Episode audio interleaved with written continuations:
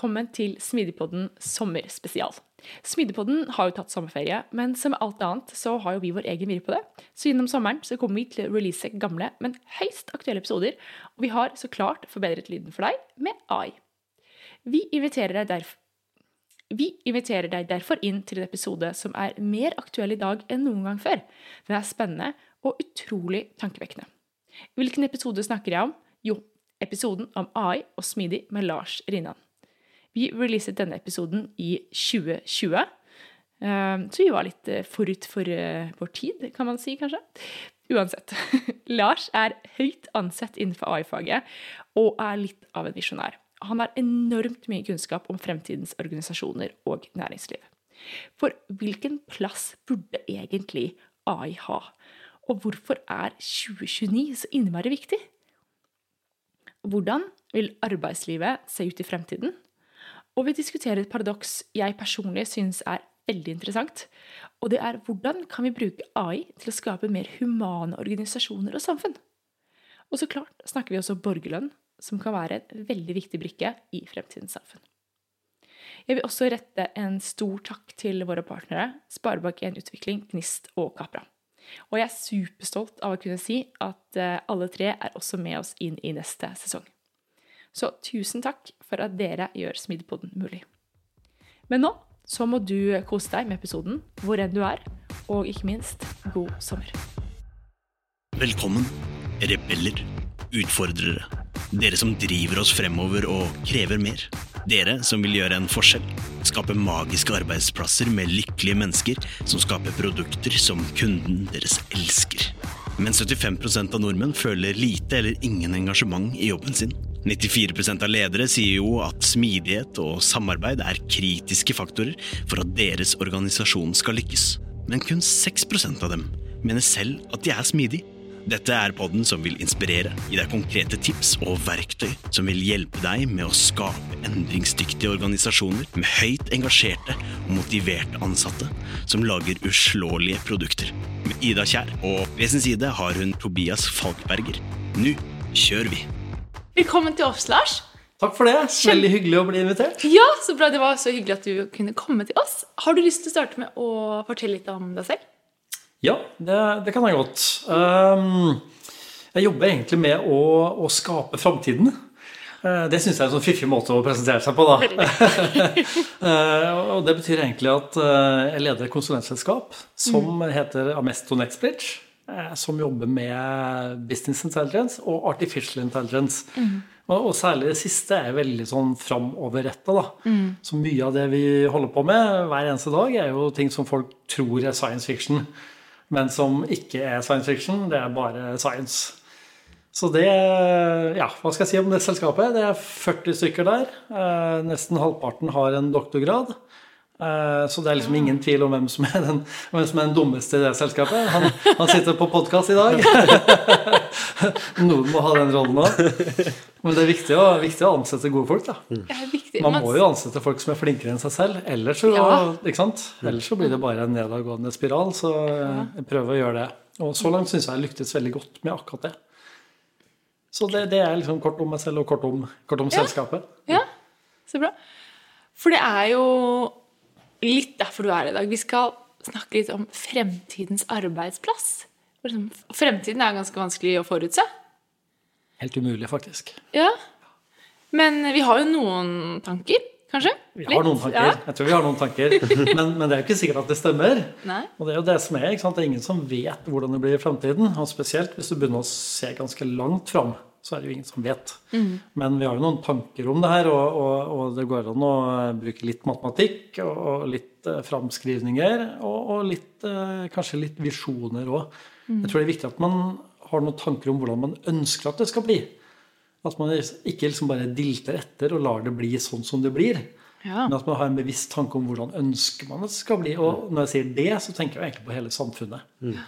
Da tenker jeg at man må tenke langt nok fram. Mm. Altså, det er ingenting spennende som har blitt skapt i en budsjettperiode.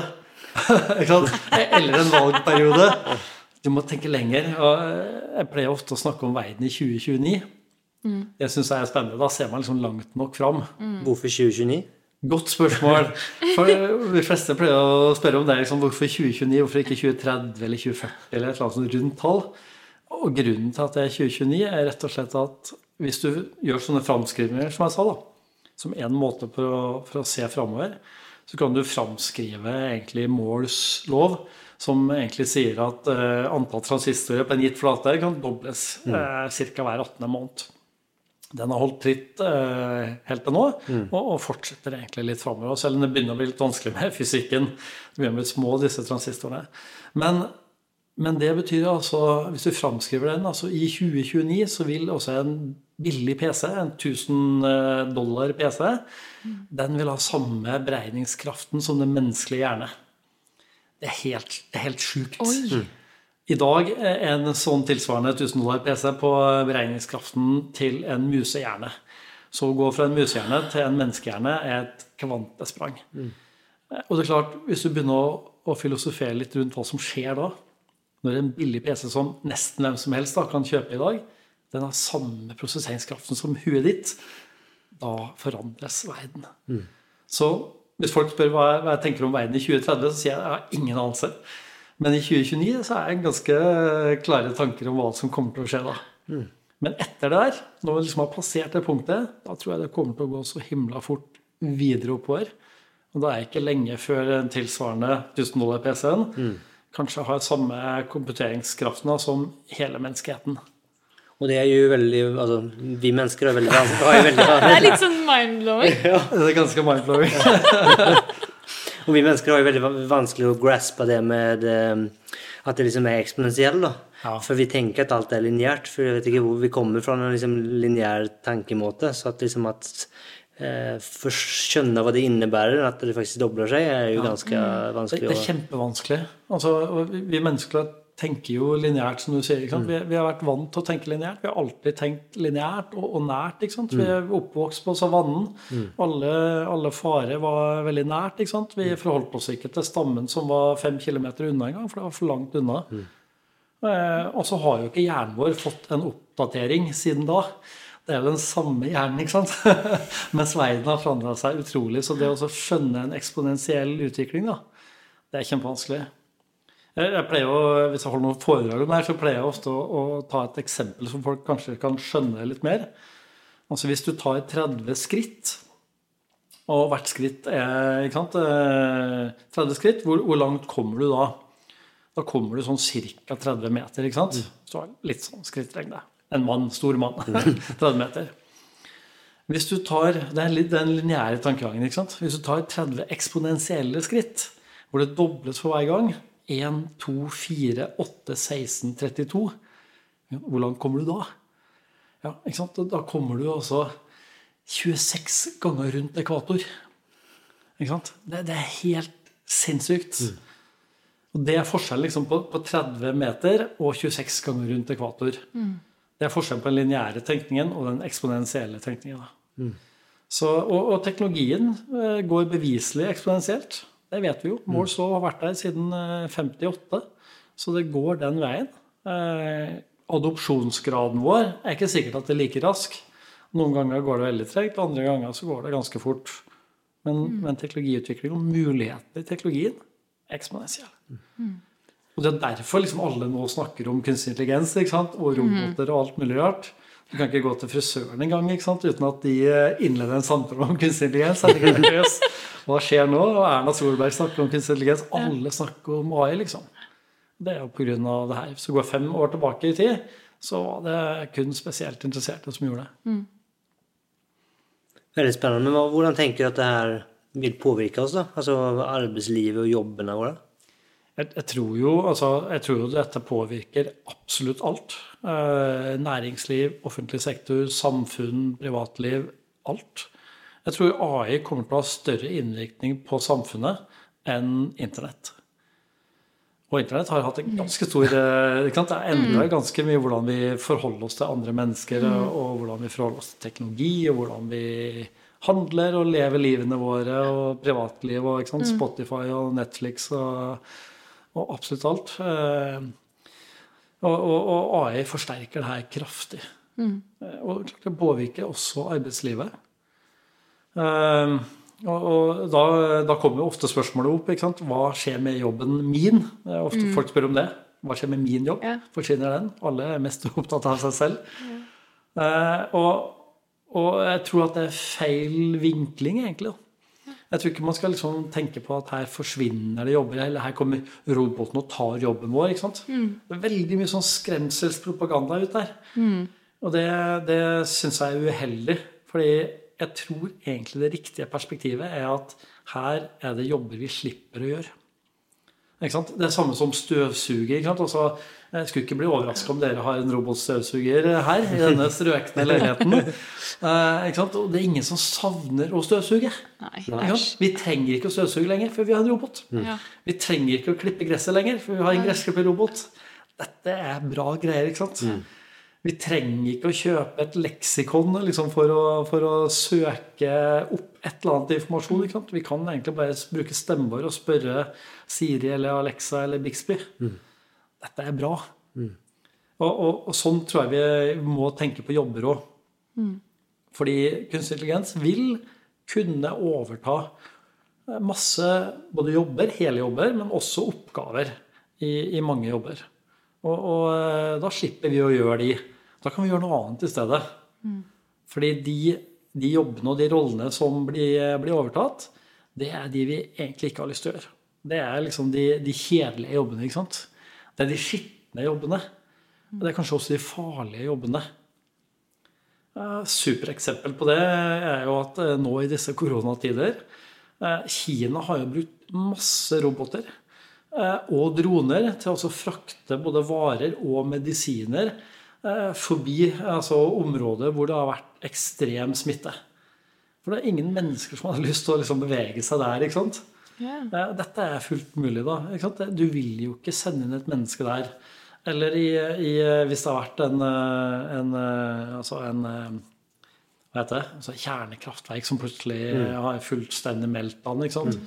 Skal du sende inn noen mennesker der med fare for menneskeliv, eller skal du sende inn en robot på mm. belter? Som kanskje ikke er større enn 10 ganger 10 cm, mm. men kommer fram overalt og med kamera. Mm.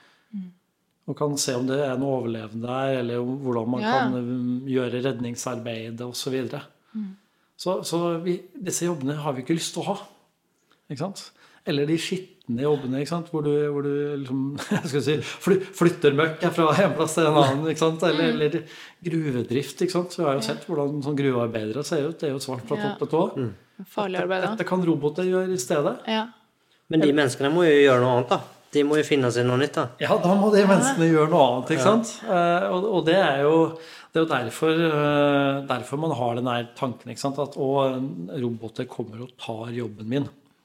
Fordi vi mm. har et sånt utrolig inngrodd syn på hva en jobb er. da. Mm. Og, og, at vi må ha en jobb. Hvis du ikke mm. har en jobb, sant, så blir du liksom uglesett. Mm. Da er du en snylter. Mm. Du klarer ikke å ha en jobb, og dessuten så må du ha en jobb for å få penger. Hvis du ikke har mm. penger, så får du ikke mat og klær og mm. alt det der. Men, men, alt det her baserer seg jo på den måten vi ser på jobb på. Mm.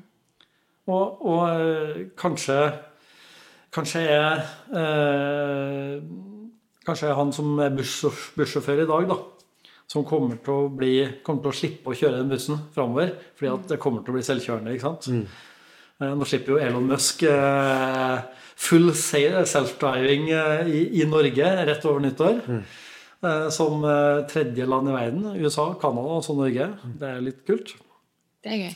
Det er fremdeles ikke 100% men, men dette går raskt, for det går mm. eksponentielt. ikke sant? Mm. Så lenge for 2029 så har du selvkjørende biler, busser, trikker, båter, droner, fly. Alt. Men han bussjåføren som ikke trenger å kjøre en bussen lenger, da, Kanskje han egentlig har lyst til å være fotballtrener ja. for uh, jenter tolv år. Mm. Kanskje det er det som er hans lidenskap. Ja. Uh, Hvorfor skal ikke han bruke tida si på det i stedet? Helt enig. Bra for han, bra for disse tolvårige jentene. ikke sant? Uh, det eneste spørsmålet er liksom Ok, hva skal han leve av? Mm. og det er et vanskelig spørsmål. og jeg tror at det, det nærmeste et svar er egentlig borgerlønn. Mm. Mm. Og, borgerlønn er et sånt vanskelig tema, egentlig. Fordi mm. en del folk får liksom helt eh, låsing når de hører mm. borgerlønn. Skal, skal, noen få gratis penger? ikke sant? Dette mm. passer jo ikke inn i eh, samfunnet vårt, hvor alle mm. må først eh, yte og så nyte. Mm. Og jeg, jeg, tror det er en fullstendig misforståelse. Uh, det, det, beror jo på at det, den jobben de skal gjøre, ikke har noen verdi, men den har jo verdi. Den har samfunnsverdi. Eller om kanskje man skulle ta vare på barna sine. da. Mm. I stedet for å sette bort på barnehage. ikke sant? Hyl og tenners mm. gnissel i ettårsalderen. ikke sant? Mm. Eller kanskje vi skulle ta vare på våre eldre. Mm. Vi, vi, setter jo bort de òg. Ja, ja. Og hvis vi skal være helt ærlige med oss selv, så stuer vi de bort mm. på gamlehjem. Mm. Fordi at vi har ikke tid til å ta oss av dem. Her, fordi at vi skal jobbe. ikke sant? Ja, det her er så interessant, for Tobias har diskutert dette her masse. Og det er liksom hvordan vi har lagd en konstruksjon på hva som er riktig, og hva vi skal leve etter. Og liksom, vi, har, vi, går og, vi går og liksom stresser for å hente barna våre eh, fordi vi skal hjem fra jobb. Vi stresser for å, eh, for å besøke foreldrene våre som vi har stua inn på et gamlehjem. Klager over at de ikke har tid. De klager over at vi ikke har tid til dem. Mm. Men vi lever, dette har vi jo bare konstruert selv fordi vi tror at det er det riktige å gjøre. Mm. Men det er vi som sier det. Mm. Og det er spennende å snu dette rundt. Liksom, hvordan kan vi tenke annerledes ja. om eh, menneskene, hvordan vi skal leve livet vårt? Ikke sant? Men vi har også trent eh, på liksom, to do-listen og får liksom, sjekke av ting. Ja. Og det som ikke Man måler seg ikke selv på kanskje effekten eller verdien man har skapt, uten nesten på aktivitetene man har gjennomført. Ja. Mm. Ut, ikke nødvendigvis at jeg har gitt noe for noen, men jeg har gjort ting. liksom. Og det, det kan liksom, folk kan jo liksom føle at de har hatt en produktiv dag fordi de har sendt x antall mail eller gått på mm. x antall møter eller skrevet x antall linjer kode. Mm. Ja. Men hva de har oppnådd, eller hvilken verdi de har skapt, det er jo oftest ikke en del går, av det. Ja, for det går tilbake til verdiskapningen, da. Ja, hvilken verdi er det vi faktisk skaper? Og, og særlig hvis du, hvis du, drar det litt lenger og tenker samfunnsverdi. Mm. Ikke bare verdi for deg selv ja. eller for selskapet du tilfeldigvis mm. jobber i, men samfunnsverdi. da. Mm. Det er klart det har verdi å, å, ta vare på barna våre og våre eldre. Mm. Og, og, kanskje rydde plast på strendene eller i havet. ikke sant? Har det mindre verdi enn å jobbe i et teleselskap? Nei, jeg tror egentlig ikke det, altså. Men det er en veldig uvant tanke. Mm. Ja. Det er en veldig uvant tanke. Og så Det neste spørsmålet som ofte kommer da, er jo liksom Ok, la gå at dette kanskje ikke er et eller annet sånn kommunistisk plott da, for å liksom bare ta over verden. For det er det jo liksom åpenbart ikke. Eh, men, men eh, hvordan skal da dette finansieres? Ikke sant? Mm. Og, eh, og, jeg tror egentlig at svaret Jeg tror det er flere deler av svaret, men jeg tror en viktig og ganske stor del av svaret tror jeg faktisk er skattlegging. Mm. Og da går liksom rullegardina i hvert fall ned hos mange. Ikke sant? Er sånn, Skattlegging, hva i alle dager tenker du på? Eneste gangen jeg har fått applaus for det, var faktisk jeg holdt foredrag for Skatteetaten. Så det var kjempebra. Sånn 800 stykker, 800 stykker i salen bare sånn Yeah! Mer skatt! Men, men, hvis man tenker på liksom hvem det er som bør skattlegges, da, så blir det kanskje litt mm. mer nyansert. fordi jeg tror ikke liksom at det er kanskje vi tre nødvendigvis som skal betale spesielt mye mer skatt, eller kanskje lytterne på, på Smidigpodden som skal betale mer skatt. Jeg tror det er de som er altså, ekstremt rike. Mm. Altså de, de, de hyperlønnsomme selskapene.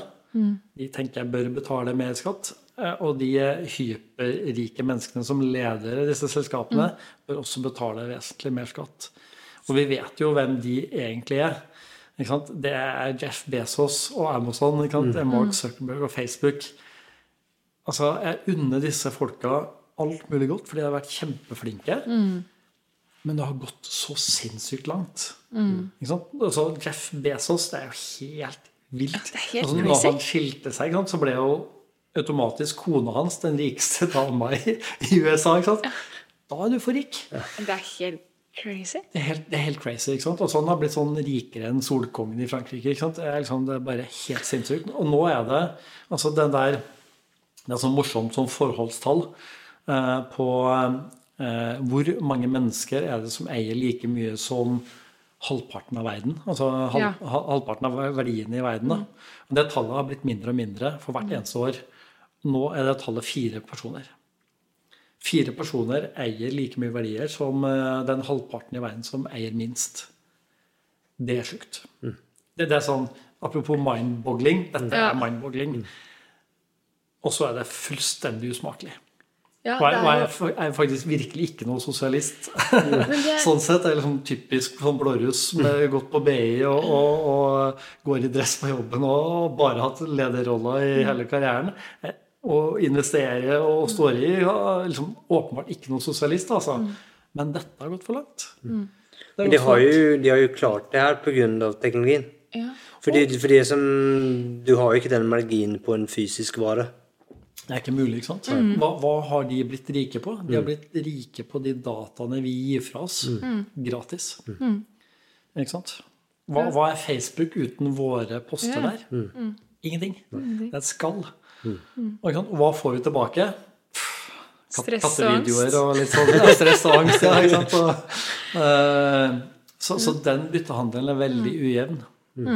Mm. Og det er ikke snakk om å liksom vri fullstendig om. Det er ikke snakk om at alle liksom skal ha akkurat det samme. fordi Jeff Bezos har vært flink, og Mark Zuckerberg ja. har vært flink. Det er bare snakk om å ta av bitte litt på toppen. Mm. Og dette har det vært regna på. Og folk har funnet at det er ikke så mye som skal til før du faktisk eh, finansierer mm. borgerlønn helt greit. Mm. Ja, fordi... Og det, og, unnskyld. Ja, det, bare sånn, ta den uh, videre. fordi Ingen har jo noensinne spurt dem om de er interessert i å betale mer skatt. Men det gjorde faktisk Andrew Yang. altså nå er det jo, I dag er det presidentvalg i, i USA. Mm. Det blir, Sykt spennende. Det blir veldig spennende. Ja. Men en av de demokratiske kandidatene het Andrew Yang. Ja. De hadde jo mange kandidater. Han var en av de som dessverre ikke nådde opp. Det var veldig synd. Uh, han gikk til valg på borgerlønn. Eller det han kalte the freedom dividend. Ja. Han skulle gi hva var det, 1200 dollar i måneden til alle amerikanere. No mm. strings attached, uavhengig av alt. Mm. Det gikk eh, han eh, til valg på. Ja. Det er en fantastisk, eh, fantastisk tanke. Og han spurte faktisk Jeff Bezos. Ja. Eh, og, og, Bezos sa ja, det, det, er klart jeg kan være med. Jeg syns det høres fornuftig ut det du sier. ikke sant? Man må gi litt, Og han har jo greit. Han har litt penger, For dette er jo smart, ja. Det er smarte mennesker. Ja. De hører jo på Reason. Ja. Ikke sant? Og klart, går det her mye lenger, ikke sant? så blir det jo på et eller annet tidspunkt opprør. Og så blir det sånn globalt opprør. ikke sant? For skillet mellom fattig og rik blir for stort. Mm. Og, og, da blir det opprør. Og ja, det da hjelper det ikke liksom, at disse fire menneskene kan mure seg inn i en eller annen Nei. Bomberom. ikke sant? For at, uh, hva skal du da med disse pengene? Ja, for Det er, alltid, så det er jo bare å se på historien. Det er jo alltid det som skjer. At det blir opprør når man føler at det blir så store klasseforskjeller. da. Ja, det gjør det. Og, og eh, nå, det har aldri vært større enn nå. Mm. Det er jo veldig interessant, for jeg tenker den største grunnen til at folk er kanskje negative til det, er for man er så trent i den eksterne motivasjonen, og at, liksom at folk er um, så X versus Y-theory. At liksom, mm. du er så trent i at folk er late og udugelige, og det gjør ingenting hvis de ikke får betalt for det. Mm. Men hvis man klarer å se at det kanskje ikke nødvendigvis er sånn det er, så er det liksom enklere kanskje å se at men, hvis folk ikke trenger å tenke på at de skal, må jobbe for å få mat, utan det faktisk kan det er liksom ikke et problem lenger. Du kan mm. faktisk fokusere på andre ting og er liksom selvmotiverende. Så er det mm. ganske interessant å se hva det hadde skapt, da, mm. når du faktisk liksom setter den kreativiteten fri. da. Det er helt vanvittig vet du, hva det ville ha skapt. Mm. Altså Hvis du har liksom fjerna, fjerna fattigdom, mm. faktisk, mm. med der Det koster visstnok 30 milliarder dollar i året da, å fjerne fattigdom. Det er ikke så mye. Men ingen som tar opp den, eh, det sjekkheftet, ikke sant. Mm. Så, men uh, borgerlønn kan faktisk være med på å fjerne mm. fattigdom. Mm. Det, er, det, er, fullt mulig å få til. Og tenk hva de ville ha gjort. ikke sant? Fordi de sier jo det at det å være fattig de blir liksom beskyldt for at de tar så dårlige valg. ikke sant? De spiser feil mat, de, de tar feil, eh, feil, valg mm. på det ene og det andre. ikke sant? De kjøper sånn små, enkle ting, men som er veldig dyre. ikke sant? I stedet for å kjøpe større kvanta som ville vært billigere. De har ikke råd. Og, og det er faktisk forska på der eh, at eh, altså, ekstrem fattigdom er omtrent som å gå rundt med promille hele tida. Så du, har faktisk, altså, du tar dårligere beslutninger Oi. Og når disse, når disse, samme menneskene løftes ut av fattigdom, så tar de samme menneskene bedre beslutninger. Dette er ganske interessant. De testa det faktisk Oi. på noen sånn, jeg tror det var sånn sukkerplantasjearbeidere. For de har sånn eh, ekstremt eh, forskjell på i løpet av året når de har penger og når de ikke har penger. Rett etter innhøsteringa så har de masse penger. Andre halvdelen av året så har de ikke penger i det hele tatt. Så de er liksom fattige ene halvåret og rik det andre halvåret. da, omtrent. Og de har testa de samme menneskene og testa de på IQ-tester. Og det fattige halvdelen av året så scora de også tilsvarende som du skulle ha mye HV, og ganske betydelig promille. Oi. Så, det, det, så, så, fattige er ikke nødvendigvis mindre intelligente. De er bare i en jæsklig stressa situasjon. Konsekvens ja, ja, altså, av systemet som har satt i ja. Det er systemet egentlig som har satt i, ja, som mm. holder de nede. ikke sant? Mm. Men tenk på det vil ha frigjort. Av mm. kreativitet. ikke sant? Mm. Uh, så det, det, Og da ville de også handla mer. Ikke? Så holder du faktisk hjulene i gang. Mm. Så det, er en, det er en veldig, veldig spennende, spennende tanke der, men det er jo også et krevende sosialt prosjekt å få til å fly, da. Ja, Men er det ikke Tester de ikke ut dette her nå i Tyskland eller Nederland? Nå hvor det er et ganske omfattende prosjekt, hvor ja. alle kunne melde seg Jeg leste en artikkel om det for, mm. lenge til, eller for et halvt år, år tilbake, hvor alle kunne melde seg på. Alle mm. borgerne i det landet kunne mm. melde seg på. Og så var det i en treårs- eller femårsperiode eller noe sånt, nå, jeg husker ikke, hvor de skulle teste dette. Mm. Det, det, det, har vært testa ut egentlig mange steder, men, mm. men, så har du jo fått med, med liksom varierende hell, ja. egentlig. Men også med varierende mm. rammebetingelser rundt det. Men én ting som har kommet ut av alle disse eh, pilotprosjektene, mm. har vært at folk blir ikke late. Selv om de får gitt penger, så legger de seg ikke på sofaen og spiser potetgull og ser på Netflix. Mm. De gjør ikke det. Det er tvert imot da de liksom får overskuddet til å skrive den boka de har alltid hatt lyst til å gjøre, og så starte ja. den businessen de alltid hadde mm. drømt om, til å ta ferdig mm. skolegangen som de alltid, eller som de alltid mm. klarte å få til. da. Mm. Så, så, er det selvfølgelig noen få råtne epler som uansett uh, hiver seg på sofaen og ser Netflix. Mm. Men, men, ja, men det, blir jo, det har vi pratet en del om, at ja. det blir veldig feil å lage et system basert på noen få. Mm. Du må jo se på totaliteten og lage system som er mest riktig for ja folk flest. da. Og så ja. tror jeg jo alle mennesker altså når man, Alle mennesker har jo en eller annen form for indre motivasjon. Mm. Det handler om å finne hva er det som er mine drivere. Mm. Eh, og jeg tror jo at alle mennesker kan finne det. Jeg tror noen trenger kanskje bare litt mer hjelp enn andre.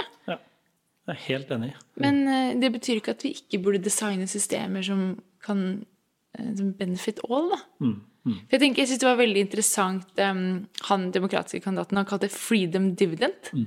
Det syns jeg var veldig interessant navn. fordi det er jo det jeg tenker på når jeg hører borgerlig, tenker jeg jo frihet. Mm. Jeg tenker Frihet til å kunne gjøre det du vil. Frihet til å kunne gjøre det du elsker og det du brenner for hver eneste dag resten av hele livet ditt. Mm. mm. Tenk så fantastisk! Og så kan du jobbe og få tjene penger i tillegg. Ja. Dine egne penger. Men, ja, ja, men, du har en baseline og kan gjøre akkurat hva du vil. Ja. Og da, da blir det sånn at liksom, Har du lyst til å bli hjerneforsker, vel, så gjør du det. ikke sant? Og så har du lyst til å bli fotballtrener, mm. vel, så gjør du det. Mm. Så kan du faktisk leve av begge deler. Mm. Det er ikke sånn at alle har lyst til å bli hjerneforskere. Heldigvis. Ja. Heller ikke alle har lyst til å bli fotballtrenere. Så dette tror jeg fordeler seg ganske sånn greit uansett. altså. Mm. Og nå, ikke sant, under korona, så har jo Borgerlønn fått uh, veldig sånn ny aktualitet. Mm. Og da kom bl.a. Tyskland uh, ja. og Canada og en både Spania og en hel rekke land har faktisk innført Oi. Eh, større eller mindre sånne pilotprosjekter på det her. Ja. Det er kjempespennende. Kanskje det er dette liksom den lille krisen som skal til. da, Eller lille krisen, ja. altså, det er betydelig. Mm. Men i hvert fall den krisen som skal få mm. det her eh, store ideen ut av startblokka. da. Mm. Ja, for, for tilbake til da vi starta, så 2029 er ikke så langt unna. Så, vi liksom, så plutselig har vi ganske dårlig tid. da. Ja. ja, det går fort. vet du. Ja, det, det, det, er faktisk dette tiåret. Det er interessant. Det er dette tiåret vi snakker om, egentlig. Mm.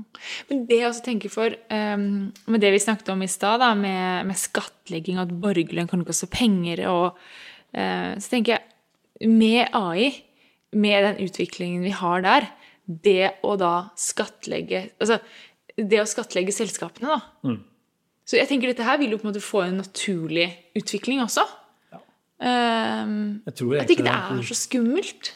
Jeg tror ikke det nødvendigvis trenger å være så skummelt. Altså, litt av problemet er selvfølgelig at det her, som, som, mange andre store globale problemer, har også en global løsning. Det har ikke en lokal løsning, da. Du kan ikke løse klimakrisen lokalt eller nasjonalt.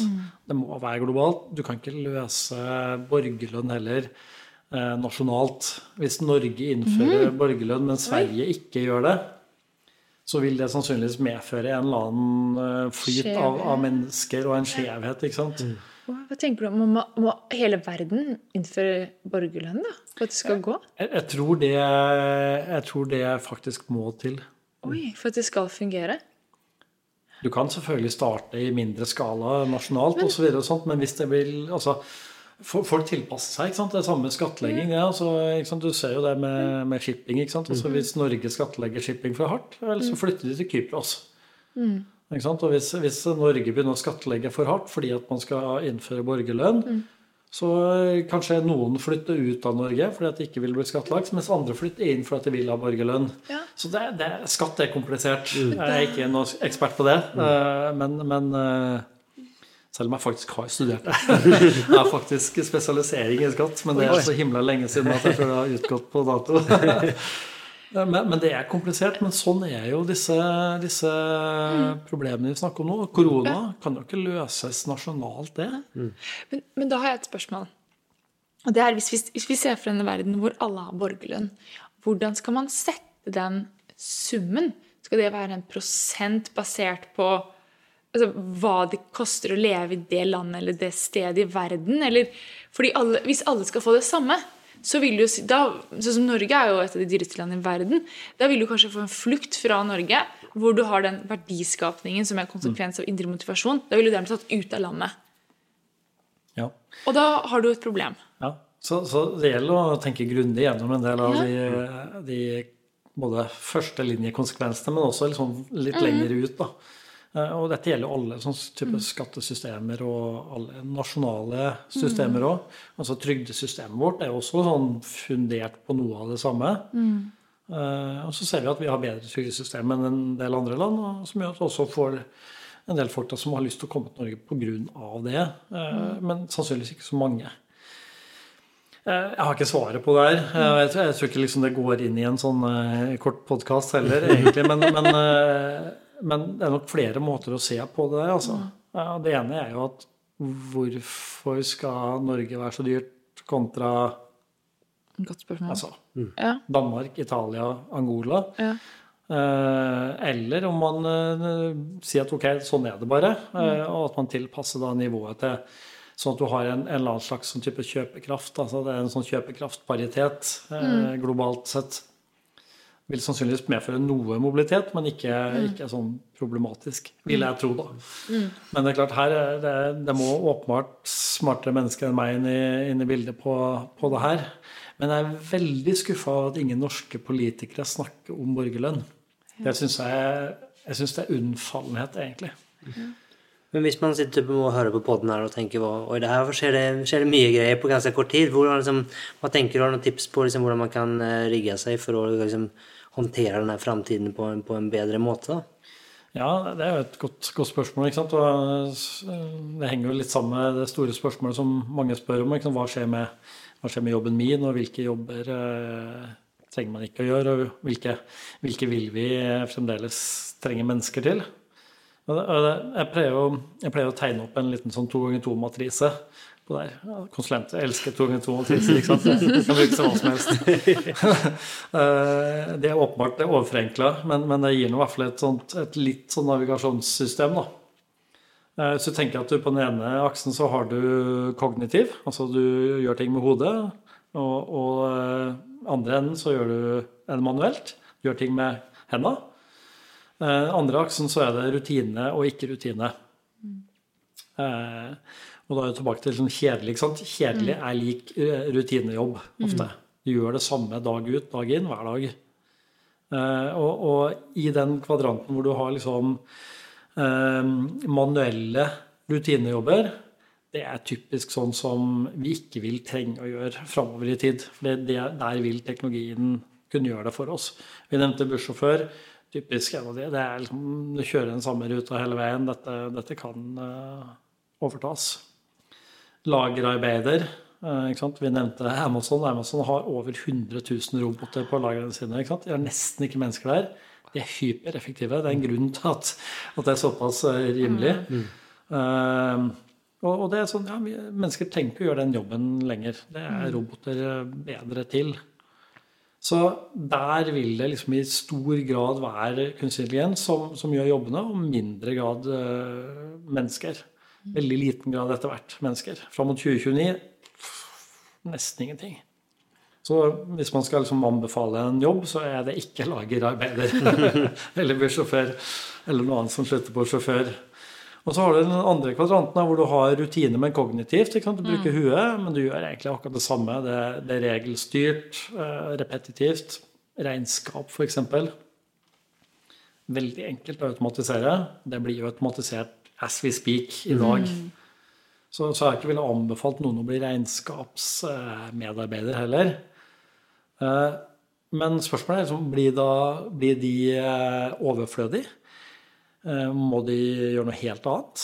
Jeg tror de må justere på det de gjør, men jeg tror de kan bruke det skillsettet de har, da, den kompetansen de har, til f.eks. å bli rådgiver mm. rundt regnskap i stedet. Jeg har god kompetanse på, på regnskap, Jeg kan tall, hvordan lese regnskap, og hvordan sørge for at det blir bedre framover, mm. i stedet for å bruke tid på å sammenstille regnskapet.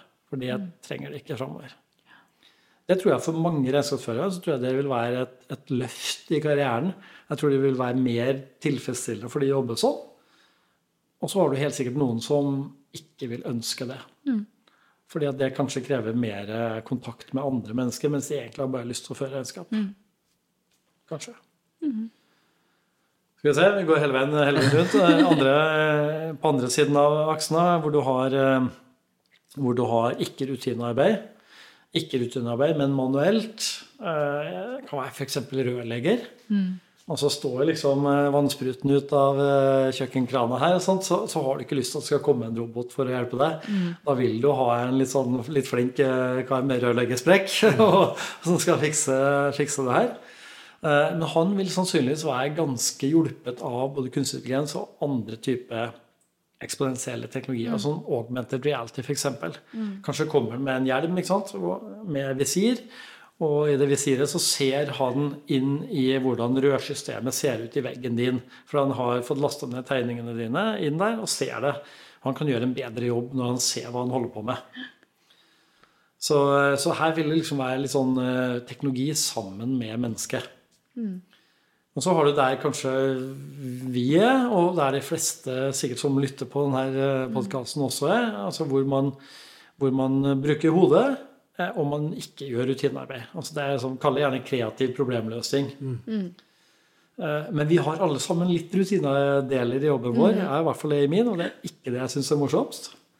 Det blir jo erstatta. Det slipper du. Da får du gjort mer av det du egentlig er best på, altså den kreative problemløsningen. Mm. Og, og F.eks. en HR-konsulent. da. Min, mitt postulat er at HR blir mer humant med AI. Mm. Og Da himler folk med øya og tenker hva snakker du om, liksom? Men hvis man tenker at med AI så får du automatisert mye av rutinedelen mm. for en HR-konsulent. da. Mm. Så får du mer tid til å være nær. Til å være en sparringspartner, til å være medmenneske, til å coache, til å hjelpe. Det man egentlig har lyst til å holde på med. De fleste, tror jeg i hvert fall. da. Så da, da, har du igjen den der menneske pluss maskin. Mm. Jeg liker et bra team. Det tror jeg er fin, fin liten Har vi ikke tid på poden, gitt? hashtag. Eh, så, så, men, men, en sånn type sånn 2-2-matrise kan mm. Eh, være en sånn grov navigasjonsverktøy, i hvert fall på hva tror vi vil være nyttig framover, og hva tror vi ikke ikke mm. det er så lurt å bruke tid på nå ja. da, til å utdanne seg til. Uh, og så er det mange andre altså Det går an å nyansere det mye mer enn det her, men, mm. jeg tror det gir et, et perspektiv, i hvert fall. Mm. Mm. Veldig bra. Vi har masse spørsmål igjen, men tiden løper litt ifra oss. Jeg tror vi må begynne å runde av. Mm. Men du har de fem siste spørsmålene, Lars, og der har du mulighet til å skyte inn. og tune det inn litt mot temaet òg. Så, um, så, vi begynner med første. er jo kanskje nesten som du har svart på, men hva ville du fortalt 20 år gamle deg? Kan det ha noe med karrieren og fremtiden og fremtidsjobber å gjøre, kanskje? Ja. ja. Jeg studerte jo faktisk altså Bacheloren min var jo faktisk regnskap og skatt. Og det, jeg har aldri ført et regnskap siden. Og jeg kommer nok ikke til å gjøre det framover heller. Og skatt er jo ja, Kanskje jeg kan bruke bitte litt av det til, til borgerlønn-tankegangen. Men, men altså, jeg vet ikke om jeg ville ha gjort ting annerledes, egentlig. Jeg tror jeg ville jeg tror jeg ville ha stressa litt mindre. Jeg tror jeg ville vært litt mer sånn avslappa, egentlig. Jeg var i konfirmasjon her i helga, og da var det en av talerne som hadde en veldig bra tale til konfirmanten, og da er det gjerne råd, ikke sant? Mm. Hvor han sa Han, han tok opp et svensk dikt. Nå husker jeg ikke hva den, den dikteren egentlig heter. Jøsta Ekman, kanskje. Kanskje du vet. Eh, men det var et veldig kort dikt som eh, går sånn. Eh, Oroa deg inte. Det ordner seg aldri. Den er ganske fin. Og det er sånn Ja, ok, det blir liksom aldri perfekt, men det er ikke noe å stresse med det. Sånn er det bare. Det tror jeg egentlig jeg ville ha hatt godt av å vite da jeg var 20. Jeg tror jeg er mye mer avslappa nå enn, enn når jeg var 20. Mm. Ja. Veldig bra. Hva er neste spørsmål er hva er det du mener kjennetegner en god leder? Oh, det synes jeg det er kjempevanskelig. Det er vanskelige spørsmål, og så er det kjempevanskelig å være en god leder. Mm. Jeg, tenker, jeg har vært leder hele karrieren, egentlig, i 30 år. Um, følte jeg fikk veldig mye lærdom på det gjennom Forsvaret, faktisk. Mm. Så jeg gikk både befalsskole og krigsskole. Og så har jeg jo tatt en bachelor og et par mastergrader etter det, så jeg har brukt mye tid på skole da. Men jeg tror faktisk jeg lærte mest på befalsskolen, mm. eh, egentlig. Og hva var det jeg tenkte der som Altså, det var et eller annet med et eller annet med at eh, du går foran med et godt eksempel. da. Mm. Altså, og der blir det veldig konkret. ikke sant? Altså, Hvis du ikke klarer liksom å bære sekken din selv, Øh, vel, da er det fryktelig dårlig leder. Hvis du faktisk er så god form at du kan hjelpe den som sliter litt med å bære sekken sin, mm. vel, da er du betydelig bedre leder, syns jeg. Ja. Og at man har litt, altså rett og slett litt omsorg da, ja. for de man leder. Det, det syns jeg, jeg, er bra. Jeg så eh, han godeste hva heter han, eh, Simon Sinek. Mm. Han er jo litt guru. Jeg syns han er utrolig kul. Han, og han har en veldig fin måte å legge fram ting på. Eh, men han har, lært, han har lært mye av Forsvaret, tror jeg, faktisk. Ja. Mm. Han har en bok Er det en bok? Jeg tror det er en bok som heter 'Leaders Eat Last'. Mm. Oh, jeg er veldig glad i den boken. Ja. Ikke sant? og det er akkurat det. Mm. Det er akkurat det. Mm. Det er liksom den samme omsorgen som du har for barna dine. ikke sant? Altså, Du sørger for at de spiser før deg. Mm. Hvis du har bare akkurat så mye mat, mm. så er det de som får, mm. og eventuelt ikke du. Det syns jeg, det jeg er bra. Det syns jeg er en bra ledelsesfilosofi. Mm. mm. Helt enig. Det litt sånn oppfølgingsspørsmål på den. Om man tenker sånn inn i fremtiden og den endringen som skjer, om man liksom er leder, og nå tenker du at man burde noe skillset eller noe man burde liksom ha mer fokus på for å kunne liksom håndtere at vi Altså den eh, automatisere, det ting som kan bli automatisert, måtte forsvinner, og det er liksom, vi står igjen med mer eh, problemløsning og type ting? Er det noe man burde mm. tenke på rundt ledelse der? Jeg, jeg, tror det helt klart påvirker ledelse, eh, og, og, vil påvirke alle, alle arbeidsplasser òg. Eh, altså, man, man, kan jo kanskje tenke at det går litt i den retninga at altså, de enkle tingene blir automatisert bort, og det mer komplekse blir gjort av mennesker. Og at det betyr at de menneskene som gjør den type ting, da, altså det vi kaller jobber i dag, mens de andre la oss kalle oppgaver. da. Hvis, hvis, det er en oppgave å lære bort fotball og rydde plast og ta vare på, på våre barn og våre eldre, eh, så, så, tenker jeg at de som, de som, blir igjen på den jobben, de er da eh, altså enda mer sånn type mm, high achievers. Kanskje altså enda, mer, enda bedre utdanna. Kanskje høyere IQ, men ikke nødvendigvis. Eh, jeg tror, være, jeg tror, de vil kreve mye mer autonomi. Mm. De, vil, de, vil, kreve en, en leder som, eh, som, ikke bruker tid på å kontrollere. Og mm. som micromanagement. Altså det er forstått ingen som liker det, da, mm. men spesielt ikke den kategorien der. Mm. Eh, altså micromanagement overfor mine folk, f.eks. Liksom, med doktorgrad i astrofysikk og alt mulig rart, det er bare å glemme. Det, da får du høre akkurat hvor det skapet skal stå. Altså. Så det, jeg, tror det vil kanskje gå litt i den retningen der. Eh, og så tror jeg kanskje at det vil kreve at man er litt mer eh, Altså litt mer dristig, kanskje. Mm.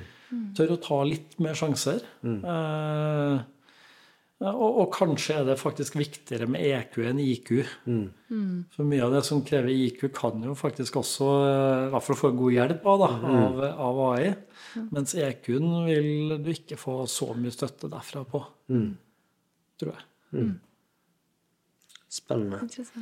Hvis man uh, tenker at man uh, sikkert må tilpasse sitt selskap litt for å møte denne endringen som kommer i ganske enormt Storm. stormfart, ja.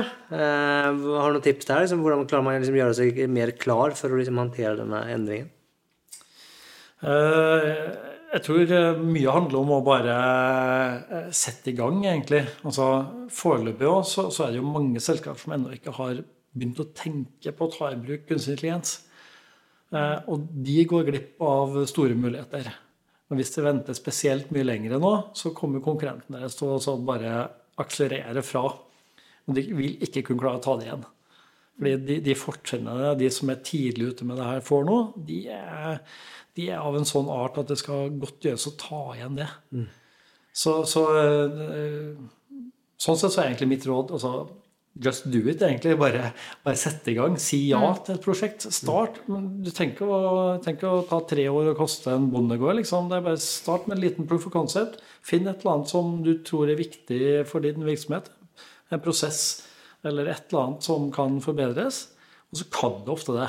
Mm. Altså, vi, vi, har levert flere tusen prosent return on investment på, på store virksomheter her. Og det er, det er ganske heftig. Mm. Og det er det flere som kan få. Men de får det ikke hvis de ikke tar sjansen og prøver. Hvis de sitter på gjerdet og bare mm. skal vente og se til at, de, til at, de, skjønner det, eller til at det er modent, så går toget forbi dem. Det er mm. modent allerede. Ja, kanskje skjønner de ikke helt, men da fins det jo eh, gode sherpaer som har gått den, eh, den eh, ruta før. Mm. Og det, det er hjelp å få, rett og slett. Og det vil uansett kunne være lønnsomt. Spennende. Mm. Har du noen bøker du ønsker å anbefale? Ja Mange, egentlig. Selv om, selv om jeg har litt sånn, litt sånn, eh, delt forhold til bøker. Spesielt hvis det gjelder kunstig intelligens. fordi mm. det tar litt tid å skrive en bok. Ja. Og utvikling går så fort. Så hvis det tar liksom to år å skrive boka, så, mm. så greier jeg ikke å lese den. Nei. Fordi da er jeg gammelt nytt. Mm. Eh, men, men, det fins jo mange gode bøker allikevel, altså. Jeg leser en nå som heter uh, 'The Future Is Faster Than You Think'. Mm. Det passer jo bra for det vi har snakka om. Uh, Peter Diamandis uh, fra Singularity University. Veldig, veldig bra. Egentlig alle hans bøker. Det er bare, bare å lese. og Borgerlønn så er det også en ganske spennende, ganske liten og lettlest bok som heter 'Utopia for Realists', av en nederlandsk professor, ganske ung professor, mm. som heter Ja, hva heter han egentlig? Rutger Rut, Rutger Bregman, tror jeg han heter. Mm. Den er en litt sånn eh, øyeåpner. Mm. Eh, jeg er ikke helt sikker på om han faktisk nevner akkurat begrepet borgerlønn, men han snakker om borgerlønn. Mm og alt mulig annet rundt der. Altså egentlig å skape et uh, utopia. Mm. Uh, og vi, vi, bruker det ordet helt feil, egentlig. Vi bruker det som at det er noe som er uoppnåelig. Utopia ja. er jo oppnåelig. Mm. Helt klart. Mm. Uh, dystopia er også oppnåelig hvis vi tar feil valg. Vi må mm. prøve, vi må prøve å styre unna det. Mm.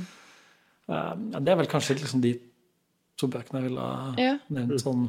Ja på stående fot. Men hvis man, skal, hvis man skulle lære om en kunstig intelligens, da, hvor er det man bør lete da? Er det liksom videoer, ja, altså, bloggposter, podkaster? Liksom, hvor kan man jeg tror egentlig den, den, jeg nevnte, 'The Future Is Faster Than mm. You Think', den, den, gir et veldig bra overblikk ja. over alt det som skjer med eksponentielle mm. teknologier. AI, augmented reality, blockchain, 3D-printing. Eh, biotech. Altså mm. veldig, veldig innsiktsfullt eh, skrevet. Eh, lettlest. Bra, mm. kort og godt. Bra startpunkt.